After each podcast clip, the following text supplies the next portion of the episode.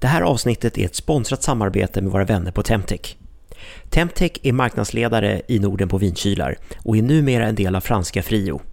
Det är även marknadsledare i Europa med varumärken som Klimadiff, Aventage, Temtech och La Sommelier. Surfa in på temtech.se och kolla in deras breda sortiment med över 100 olika modeller av vinkylar. Vi är säkra på att du kommer hitta en vinkyl för just dina behov.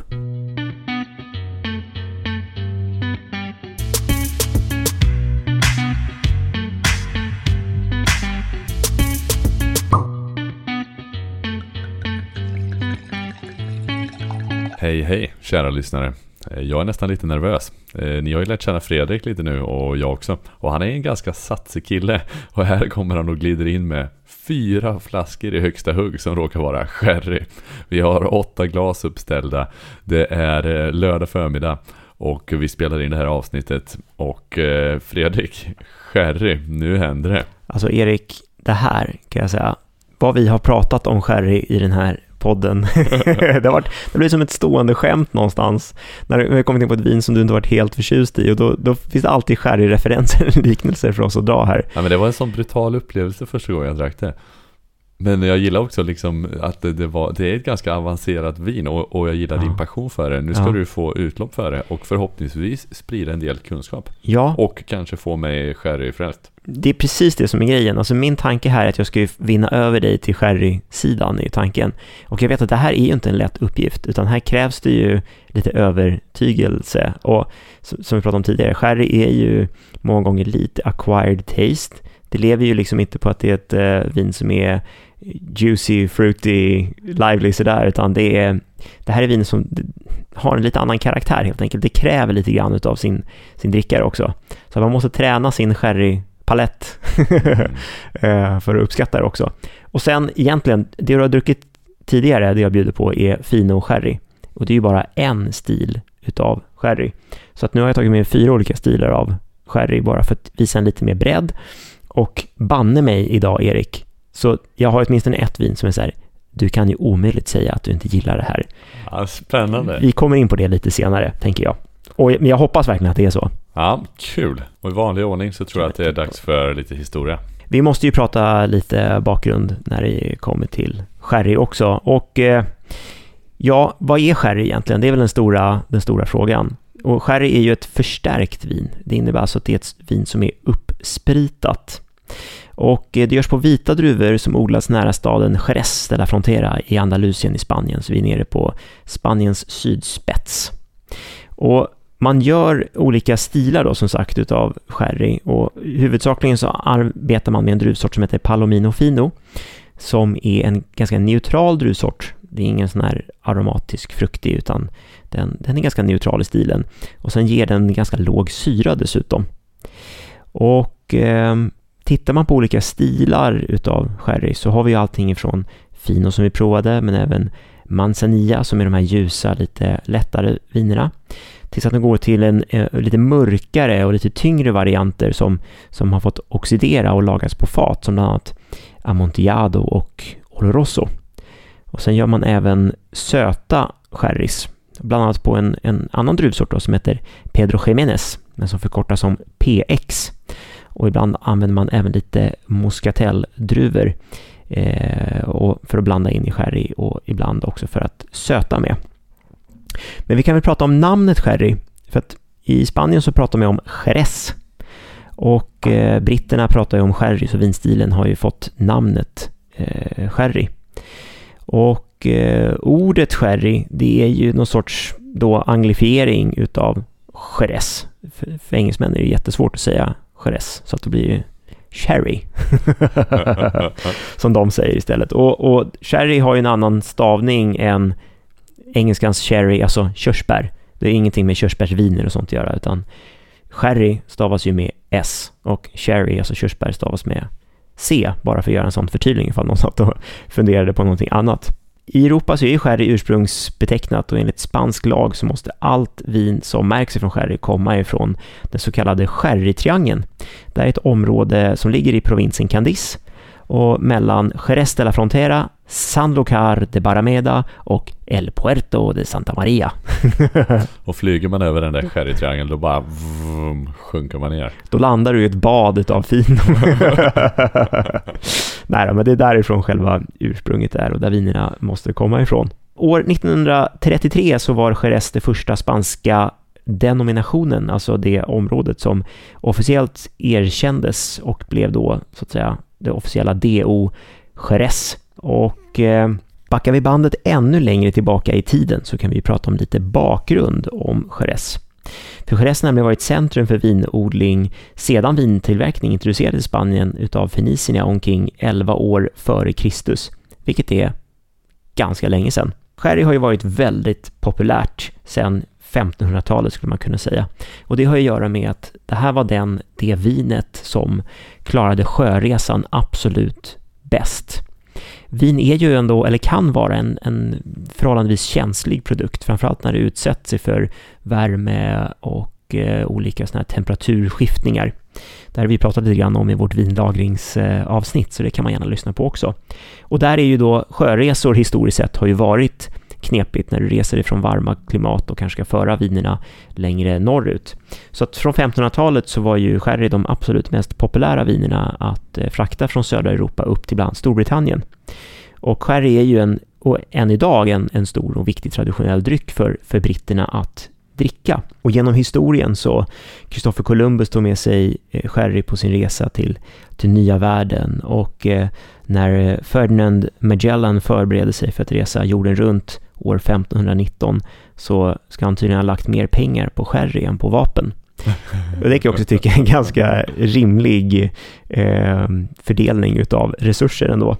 Och jag tänker att vi ska gå in lite grann och prata om olika typer, olika stilar utav sherry.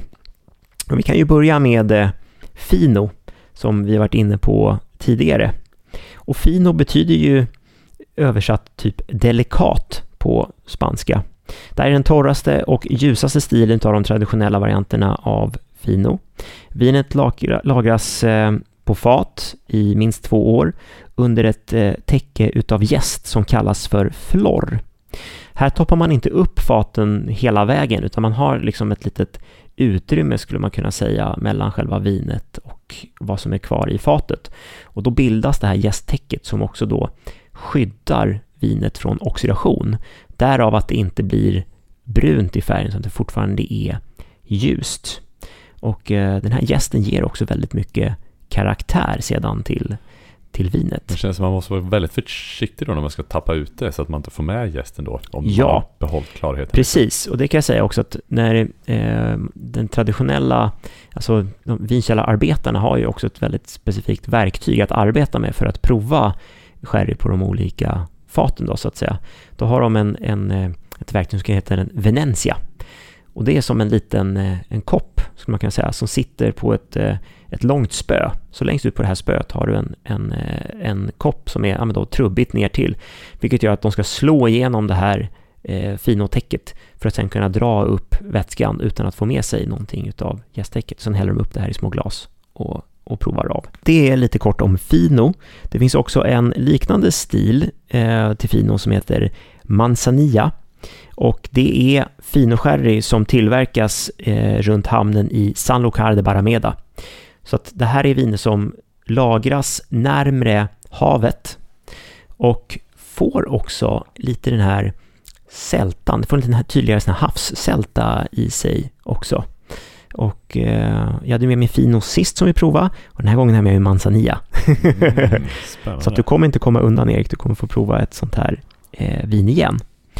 Så det är egentligen den ljusa stilen utav, utav sherry. Sen har du de... de mör- ljus stil av sherry, det är fino är, den ljusaste är alltid fino. Ja. Men då finns det också en variant som är manzanilla och enda skillnaden då det den lagras väldigt havsnära. Mm. Den andra fino, lite mm. längre upp i. Mm.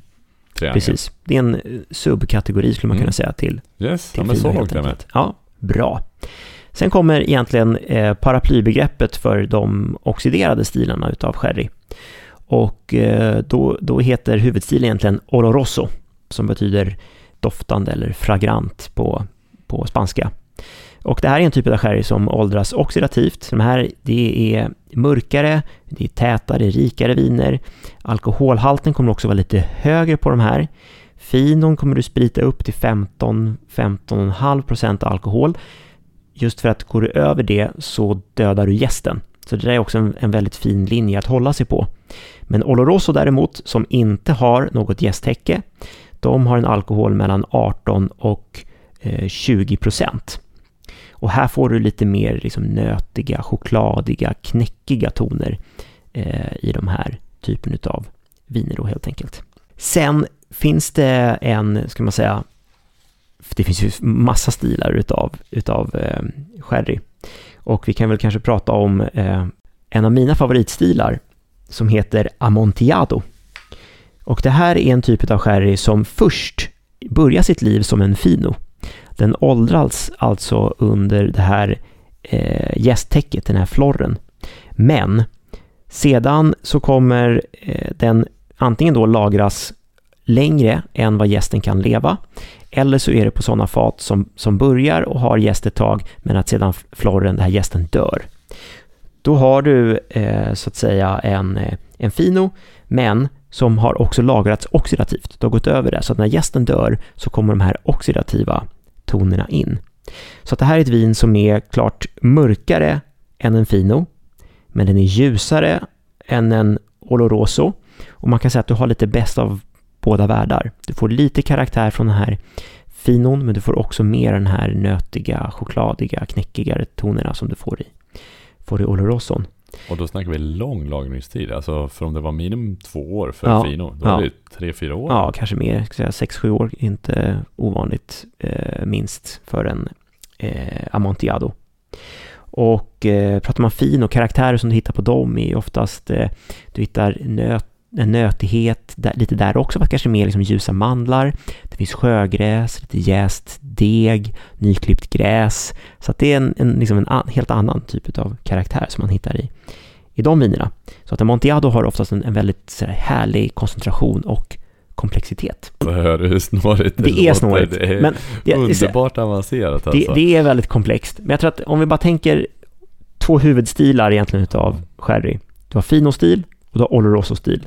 Alltså icke-oxidativ eller oxidativ. Men låter du finon oxidera, då blir mm. det en amontillado. Mm. Låter du sen amontilladon mm. förfalla in till något, så blir det en ros... Palo, palo cortado.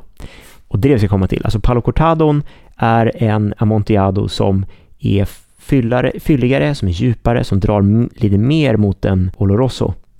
Och, Förlåt det skrattar alltså, men det är så underbart krångligt. Jag älskar ja, det. Fortsätt. Ja. Men lite som vi pratade om i, i, det här, vi pratade om, i det här avsnittet eh, älskade otrendiga viner, då pratade vi en hel del om sherry. Och eh, då kom vi också in på det här att sherry är ett egentligen väldigt tekniskt vin.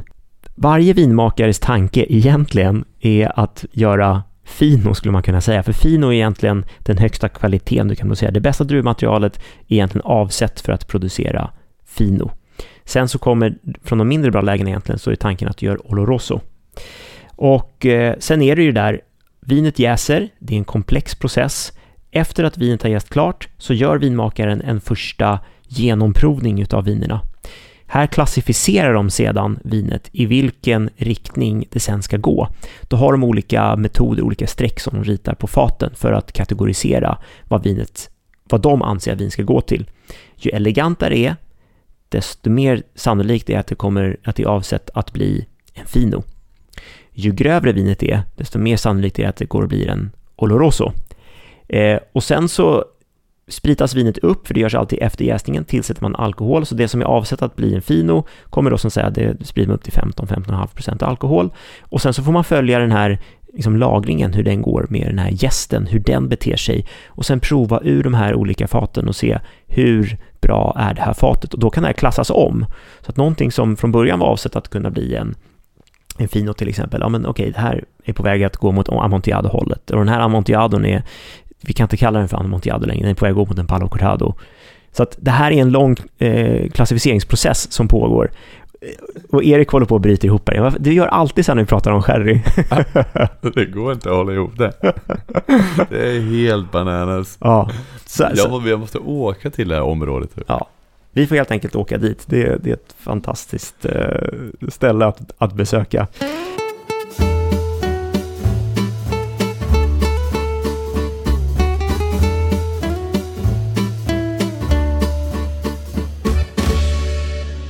Vidare sen med själva lagringen, för lagringen är ju viktigt som vi pratade om, att klassificeringen eh, görs på de här faten beroende på hur de utvecklas också. Man har ju utvecklat i eh, Jerez ett unikt system som kallas för Solera-systemet. Och det innebär att om man tänker det visuellt framför sig så kan man se att man har fat som är staplade på varandra. Och då kan man tänka att det här är också som nivåer, liksom nivå 1, nivå 2, 3, 4 och så vidare. Här kallar man det för kriadera istället. Så att det är verkligen lager 1, 2, 3, 4. Och vad det innebär då, det här är ju också för att skapa en konsekvens mellan vinerna så att de ska smaka likadant varenda gång du buteljerar.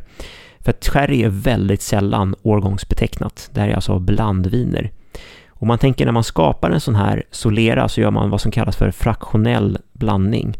Du börjar med att när du har fyllt upp den här soleran, att du har vin i alla nivåer, så tappar du ut vin längst ner i den fatnivån som kallas för solera. Och då tappar du ut eh, en del vin och sen fyller du också på med en del vin uppifrån. Sen blandar du det här neråt i alla faten som gör att du blandar unga årgångar med äldre årgångar. Du blandar olika fat med varandra. Men det finns inget pumpsystem i ett sånt fat väl? Utan det sker helt automatiskt. Av hur faten är utformade så blir blandningen naturlig. Du häller upp i toppen så kommer det sjunka ner. Då. Nej, det är inte som en champagnepyramid, utan det här är ju, du, du får ju blanda som du blandar. Du får ju som tömma delar av fat ja, och sen okay, blanda upp och toppa på. Grejer, liksom. Yes, mm. det, här är, det här är hårt arbete. Mm. Det här är ingen... Okej, okay, det finns de som har ett så här mer automatiserat datasystem där de faktiskt kan trycka på lite knappar och det händer saker. Men det ursprungliga sättet isolera, det är ju att faktiskt det här är ett hårt hantverksjobb att uh, rulla runt fat och, och tappa upp och tappa ner och sådär. Jag ser framför mig i framtiden AI-genererad superfino. Ja, det är du. Det kommer vara någonting för dig. Nej, men här handlar det återigen om att alltså skapa den här konsekvensen eh, i vinerna, vilket också blir intressant när man tittar på de här sherryhusen. Frågan många gånger till dem är också så här, men hur gammal är soleran? För det har ju också att göra med att har en solera varit igång i 30-40 år eller liknande, då får du ju då har du också en del kvar av den här första tidiga årgångarna gjorde som är uppblandade med, med de nya årgångarna. Så det skapar ju också en, liksom en komplexitet i allt det här. Men det blir väldigt tekniskt. Jag tycker att vi kan skippa mycket av de här alldeles för mycket tekniska eh, snacken och kanske istället hoppa in på och fokusera lite grann på, på provning och titta på de olika stilarna och diskutera mer runt det. För att Erik, du ser otroligt sugen ut nu på att eh, ja, men nu är jag göra återbesök på, på, alltså. på Sherry. Så att eh, nu kör vi.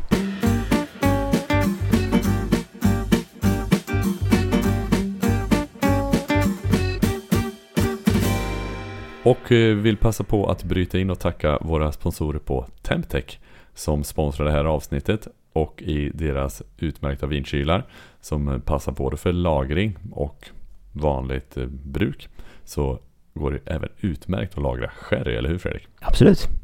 Hur länge ska man lagra sherry? Det här ska vi också komma in på tänker jag lite grann, för all sherry ska du egentligen inte lagra. En del sherry ska du dricka snabbt. Och en del ska sparas.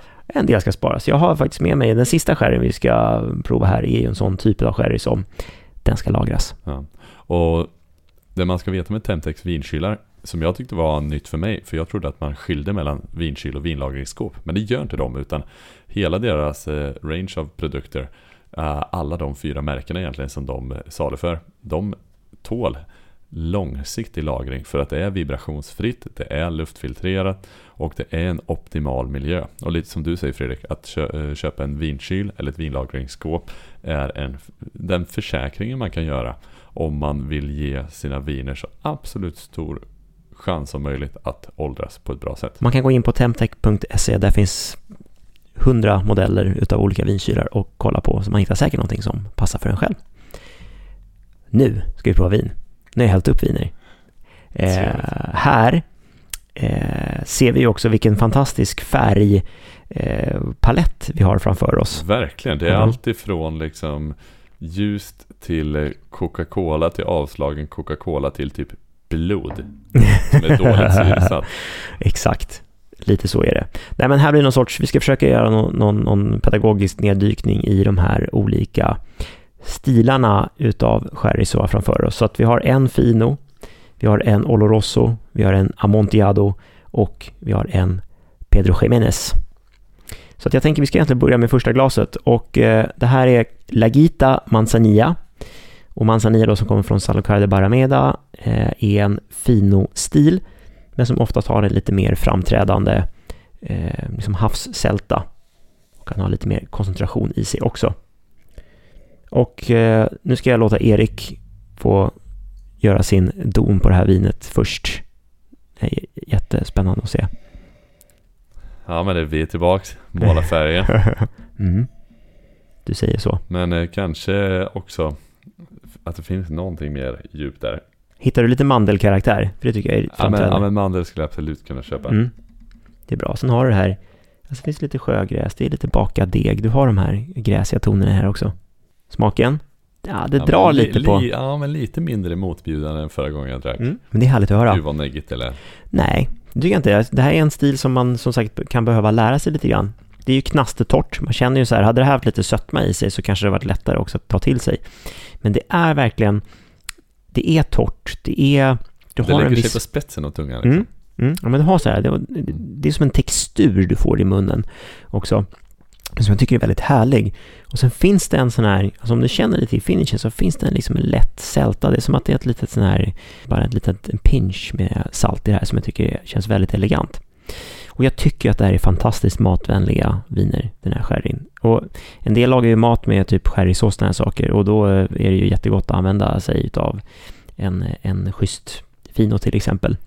Eh, men det här är ju också jättegott till eh, Alltså det här ska man ju ha som aperitif. Det här är perfekt. När det är varmt ute, servera en riktigt kyld fino tillsammans med liksom lite eh, charkuterier, ostar.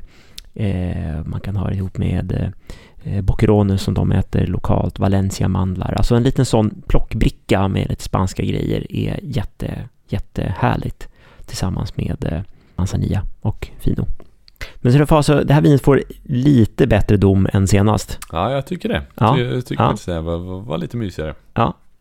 Bra, intressant. Vi kan gå på nästa vin som är en Oloroso.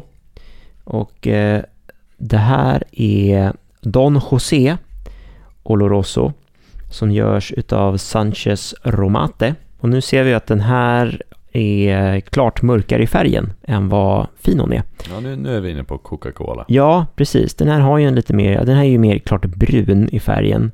Oj. En sån här tegelbrun färg skulle man kunna säga. Wow. Den doften var inget skämt. Här är det någonting annat. Här det var som att få en snyting. Mm. Bra eller dåligt? Mest dåligt. Åh, ja, vi, Nej, men- jag kämpar på min nej, sida nej, av mikrofonen. faktiskt här. lite spännande ändå. Jag, jag, förlåt Fredrik, jag, alltså, Nej, men jag förstår dig. Men, det, eh, det är mycket doft, men lite gräs då? Kan det vara det här? det ja, här? kanske. Nej. Alltså jag tycker att det är mer, här har du ju mer ett, ett större urval av liksom nötter. Här kan du gå med åt hasselnötter, du har ju mer det här Mm. choklad, alltså chokladigt. Tänk dig här, riktigt högklassig eh, mörk choklad. Kanske ganska höstkompatibelt då? Ja men det är det ju. Och så har du lite kaffetoner och sen finns det eh, som sagt de här nötiga elementen i det här också. Ja, men nötighet absolut. Mm. Vi smakar.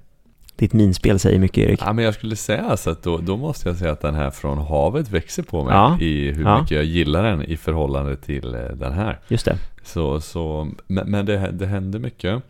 Um, ja, Men vi det säger så här. Men vi säger så här. Känner du också att det här är ett mycket fylligare vin? Absolut. Mycket mer koncentration. Mm. Eller inte mer koncentration, men, det, men Mm. ja. Det är bredare. Mm. Du känner att det fyller ut. Det, eh, för det andra satte sig på tungspetsen liksom, Mm. och den här lätta texturen. Det här är mer, fyller upp hela munnen. ja, och ligger lite, lite längre bak. Mm. Ehm, nej men och sen så får ju de här karaktärerna återigen, det är ju verkligen det här ehm, liksom chokladiga, nötiga, knäckiga, men det är fortfarande ett torrt vin. Men det här när, är inga socker i. Men när i en middag har man en sån här då? Alltså det här är ju också ett ganska roligt vin, skulle jag säga, att slänga in till, ja men typ så här, det, Kör man låter, en sås på det liksom? det kan man göra, men jag tycker att det här är ett, ett liksom kanske roligare vin att slänga in som ett, ett litet glas, att ha ihop med lite så här kötträtter är det här otippat gott att, att ha med. Så tänkte jag riktigt välmarmorerad entrecote, något som är riktigt Men du menar att man kan köra ett glas rödvin och sen ha den här på sidan? Ja, skulle man kunna ha en liten Mm. sidovagn. Inte, inte dumt med en liten Oloroso på det här sättet. Och så försöka få in lite så här rostade eh, nötter och sånt tillsammans med, med den här eh, och köra den ganska, alltså inte för mycket Eh, alltså jag tycker det här ska också vara här, inte för mycket sås och grejer, utan kanske bara ha lite den här stekskyn, dra på det på entrecôten, skär upp den, på med lite rostade nötter, servera det tillsammans med en Oloroso så här. Det är faktiskt ganska spalt. Ehm, och då kommer ju också, jag tänker, du syftar ju mycket till målarfärg och sådana här saker i de här vinerna. Och det tänker jag också att göra med att man känner att det är lite högre alkohol. Alltså alkohol, då får du den här alkoholiga känslan som du kanske känner också när du öppnar en, en burk med målarfärg. Sätter du i kombination så får du liksom lite bort de delarna. Du får jobba mer med texturen i vinet och göra den typen av matchning. Och sen vill jag också bara prata om, alltså när vi har pratat om kvalitet tidigare, så kvalitet kan man ju också känna på vinets längd, alltså hur länge smaken sitter i. Och här, Ja, länge. det här är otroligt länge. På ett väldigt fint sätt. Jag känner verkligen en sån här fin, nötig, chokladig karaktär som sitter i, i, i min smakpalett väldigt, väldigt länge. Så att eh, vi pratar ändå att det här är kvalitet ändå. Som sagt, det gäller att hitta rätt typ av matchningskomponenter för att få, för att få till det här och få det här liksom kul, bra och roligt. Ja, men, jag, men man kan inte slappa med sherry riktigt. Man måste tänka till. Mm. Eh, Och jag antar att det tilltalar dig också som proffs inom det här. Mm. Att det, det är inte helt enkelt. Man, man måste... Ja, både, ja, men, Jag tror också att sherry fyller sin funktion på många sätt för att det är någonting annat. mm. Alltså om vi tittar på idag egentligen, den stora volymen av viner är så här juicy, fruity och, och lättdrucket. Sherry kräver lite grann av dig som, Mm. som drickare. Så det, är en, det, det utmanar en. Och det är alltid någonting som är kul med, ut, man växer i utmaningar så att säga. Ja. Och det är alltså lite på samma sätt som, alltså vi, när vi pratar om naturvin och sådana här saker också, kan ju vara så här, visst, jag, jag, jag kanske har givit lite så här kritik om att jag kan ha problem med att vissa av de här vinerna har lite för hög volatila syror, eller jag tycker att det är för mycket vildjäst och sånt där som, som tar över, men någonstans så är det som är det, det roliga och, och det man verkligen uppskattar med, med naturliga viner, det är att de utmanar en också som, som drickare och som vinprovare. De är inte så här linjära, slätstrukna, eh, att man bara kan välja i sig, utan det är, man får tänka till lite. Eh, och det, det gillar man ju.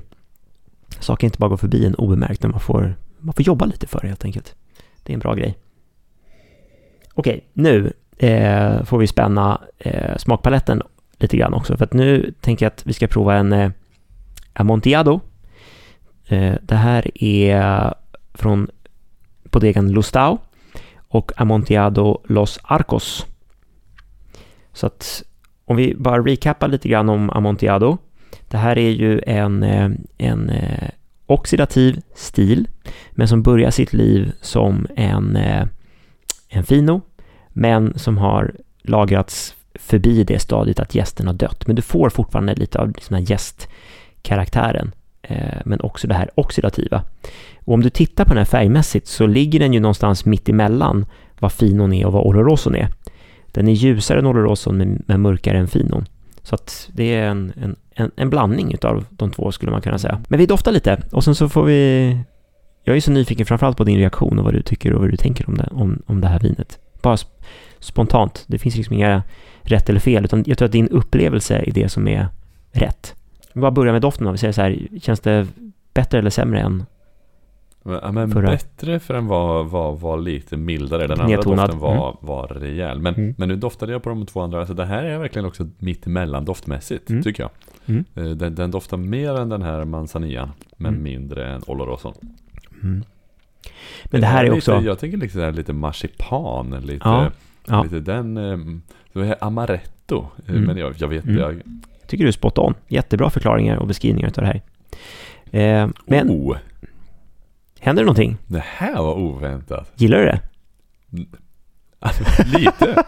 lite. Lite. faktiskt, måste jag säga. det ja, det, är- Oh. det är ett stort kliv, Erik. Jag tror aldrig jag förväntat mig den här smaken i förhållande till eh, vad jag hittills har Ja. testat själv. Var- Varför var den här så? Det finns en friskhet i det här. Känner du det? Det är lite så här, det är kanske inte att det är hög syra, men det finns ändå en, en, en, en uppiggande struktur här som, som verkligen ger fräschör, som drar till lite grann i munnen på en också. Men, men det jag vill komma till också just med Amontillado, det här är ett elegant vin. Mm. Det här är, Ja, den känns inte kvalmig som den förra. nej, Kvalmig kanske är elakt för att du beskriver den som väldigt smakrik, mycket så. Men liksom, Mm. den här har lite spetsighet liksom. Men Mm. det var lite mer tryck i än vanliga finon vi prövade. precis. Ja, absolut. Och det, får du ju liksom av lite mer den här oxidativa eh, stilen också. Och sen blir det ju också komplext, tänker jag, för att du tar ju in, tänk att du får ju aromerna och karaktärerna som du har i en, i en fino. Och sen så på det så får du också bygga liksom den, den här oxidativa lagren utav karaktär också. Vilket gör att det här blir en väldigt, väldigt komplex dryck. Vad, vad gör jag med den här då? Matmässigt tänker du? Ja, Ja, men här... eller är det eh, mer bara sitta i soffan och sippa? Ja, alltså gärna. Det gör jag gärna med en, en sån här stil. Det här är en lite så här thinkers wine som man sitter och kontemplerar mot. Men säg att jag öppnar en sån här. Ja, För nu, det är första eh, skären jag blir sugen på att skaffa mig. ja Eh, kul. hur länge kan den stå?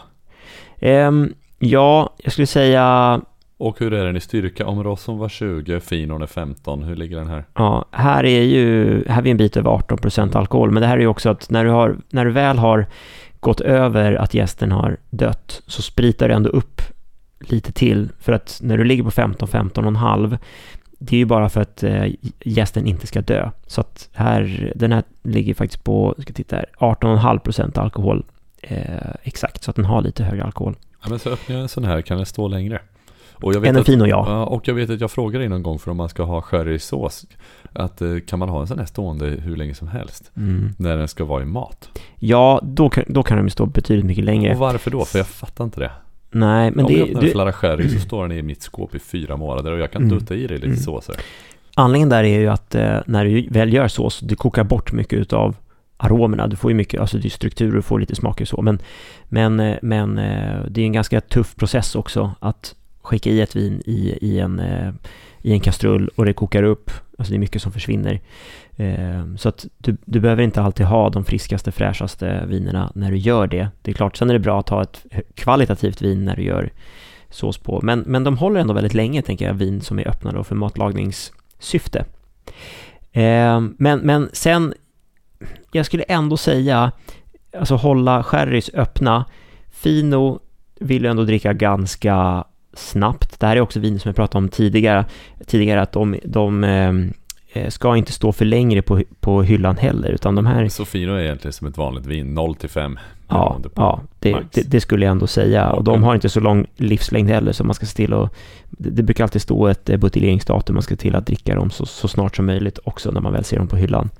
Sen är det ju så, Oloroso och Amontillado, de klarar ju, de klarar ju längre, för de har ju haft en oxidativ process, de är ju redan eh, liksom oxiderade till viss Men del. om jag kapsylar den och ställer in i kylen efter att ha druckit i ett glas En till tre veckor? Ja, det skulle inte vara problem. Tre veckor tror jag säkert att det klarar. Sen blir det så här, det är en sak vad det klarar och det är en sak eh, hur mycket den tappar. Mm. Alltså, vill du ha den så, så fräsch och så elegant som möjligt, framförallt typ som är på Amontillado, då vill du inte hålla på den för länge heller. För mycket av vad som händer med vin när det står öppet, du, du tappar, det första som händer är att du tappar alla sådana här top notes, allt som är lite flyktigt och det man kan tycka är liksom lite intressant och, och komplext och många lager och sådär. Um, så det försvinner, så vin kan bli lite platta och, och lite sådär saknar komplexitet när de har stått luftade för länge. Så att Montiado skulle ändå vara så här, ah, men jag ska inte hålla på det för länge, en vecka, två veckor kanske, innan allt det där börjar tappa. Sen klarar den absolut längre. Oloroson klarar ännu längre tid innan den verkligen eh, tappar, skulle jag säga. Men sista vinet som vi ska prova här sen, den eh, klarar ett tag, både att vara öppen och eh, lång flasklagring dessutom. Ja, det är jag nyfiken på för det här är otroligt mörkt. Mm. Jag tycker det som sagt ser ut som riktigt syrefattigt blod. ja. ja, en sista grej bara. Amontillado eh, är jättegott ihop med eh, choklad. Alltså så här högklassig, typ 70% i choklad. Jättesnyggt eh, tillsammans med det här till exempel. Och sista vinet. Det här är ju kompakt på alla sätt. Du ser också när du snurrar glaset att det är Det är trögt. Mm. Viskositeten är hög viskositet. Ja. ja, och det här ser ut som ett Coca-Cola-extrakt, skulle man kunna säga. Innan du tillsätter vatten och kolsyra till Coca-Cola så är det liksom, det är det här du blandar ut. Nu gör Erik en väldigt intressant min här borta. Men, men alltså det är ju helt sjukt att lukta på sherry. De, är, de luktar otroligt olika. Mm, visst gör de. Det här är då en eh, PX, alltså druvsorten är Pedro Jiménez från eh, Toalbala. Och eh, PX då görs på torkade druvor. Så att man skördar de här, sen så, så lägger du dem på mattor så att de får skrumpna ihop och torka. Och vilk, vad det gör är att den, den, eh, det som torkas bort är ju så att säga vätskan i druvorna. Så du koncentrerar socker, syra, smaker i det här vinet. Jag tänkte helt seriöst på russin och myggmedel. Mm. Myggmedel vet jag inte, men russin tycker jag absolut hör hemma i det här vinet. Det här är också en sherry som faktiskt är årgångsbetecknad. Så det här innebär att alla druvorna är skördade en och eh, samma årgång. Eh, och på den här så står det 1990. Wow. Mm. Så att den här har ju lite, lite ålder. Men, men Eh. hur går det med den här uh, soleran? Mm. Nej, då, då har du egentligen bara, då skippar du Solera systemslagringen, utan då är det bara, det här lagras för sig, Men det blir, och, och blir det flor eller inte flor? inte. Inte flor, Nej, det. det är inte Yes. avsett för det. Nej. För det här är ju dessutom också ett sött vin. Det är därför du ser den höga viskositeten.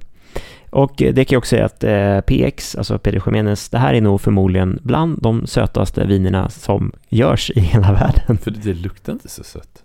Nej, men smaka. Ja, ja spännande. Vi smakar. Var det sött? Wow, jäklar i mig vad sött. Ja. Mm. Är det någon här som har druckit Biostrat, som är det här tyska vitaminelixiret man fick när man var liten?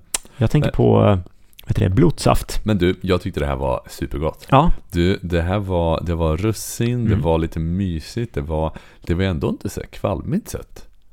Utan det var ganska trevligt sött. ja, alltså. Jag tänker lite vi- dessert. Ja, bra poänger där. Vi ska, vi ska dissekera här lite grann.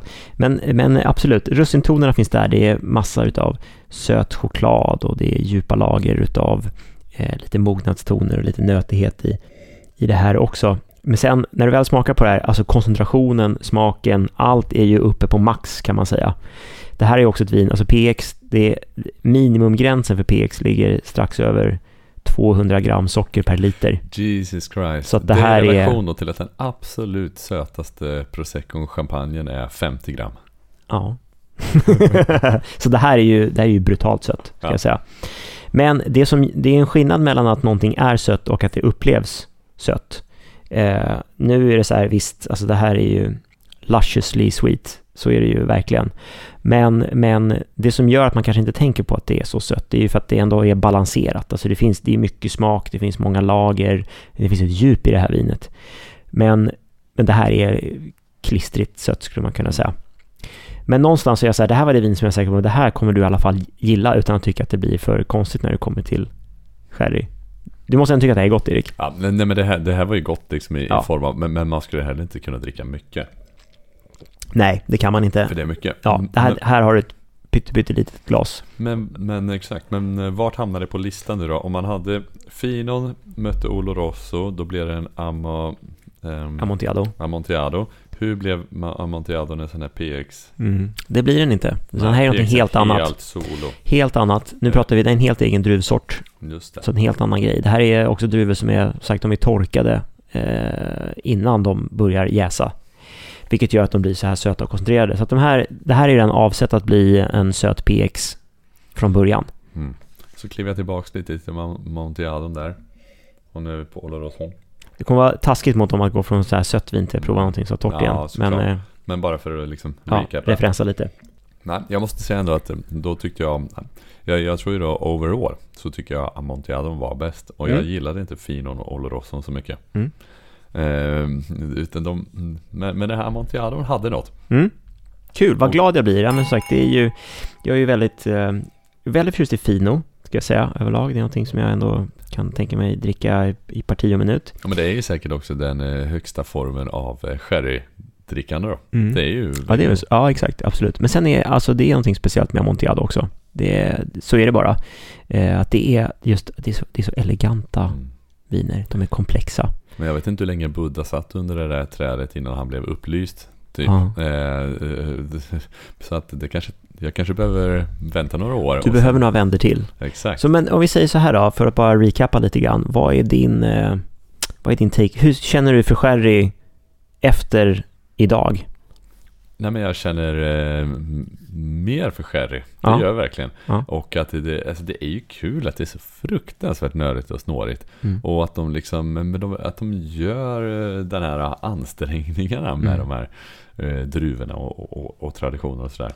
Men, men lite som du sa så här, att man ska ta tillvara på att sherry har en viss typ av struktur. Den har, det, det är komplexitet. Alltså, eh, att, att det kanske kan också vara ett eh, bra komplement i sitt vindrickande att utmana sig själv lite på nya smaker, nya texturer för att det är så man tränar upp en smakpalett. Jag vet att vi pratade lite när vi träffades i början av några av våra första avsnitt. Jag kände så här, gud jag kan inte känna skillnad på en enda smak typ. Jag, Mm. Och jag har nog inget luktsinne heller. och då sa du eh, ju till mig ganska tydligt att men det är mycket en övningsfråga också. För jag har inte övat så mycket på det här. Eh, Det här är väl superbra övningsmaterial också. Mm. Så oavsett vad man tycker om sherry, om man har varit som jag kanske tycker wow, så, så är det kanske något man ska köpa hem och prova för att det breddar en, breddar en repertoar på din doftpalett, din smakpalett och eh, kommer troligtvis göra dig till en bättre vindrickare. Mm. Och eh, precis, jag är inte färdig med dig Erik, utan mitt mål är ju att du ska bli en sherryfantast. Du ska bli en sån här som bara dricker fin och sherry på fredagar och tycker att livet är toppen. Ja, det är dit jag vill alltså, komma. Jag Vi, känner att eh, vi, vi ska dit. Ge mig tre år till. Och Fredrik, tack för den här exposén i sherryns eh, helt tokiga, knasiga värld. Mm. Skål. Tack själv Erik, skål!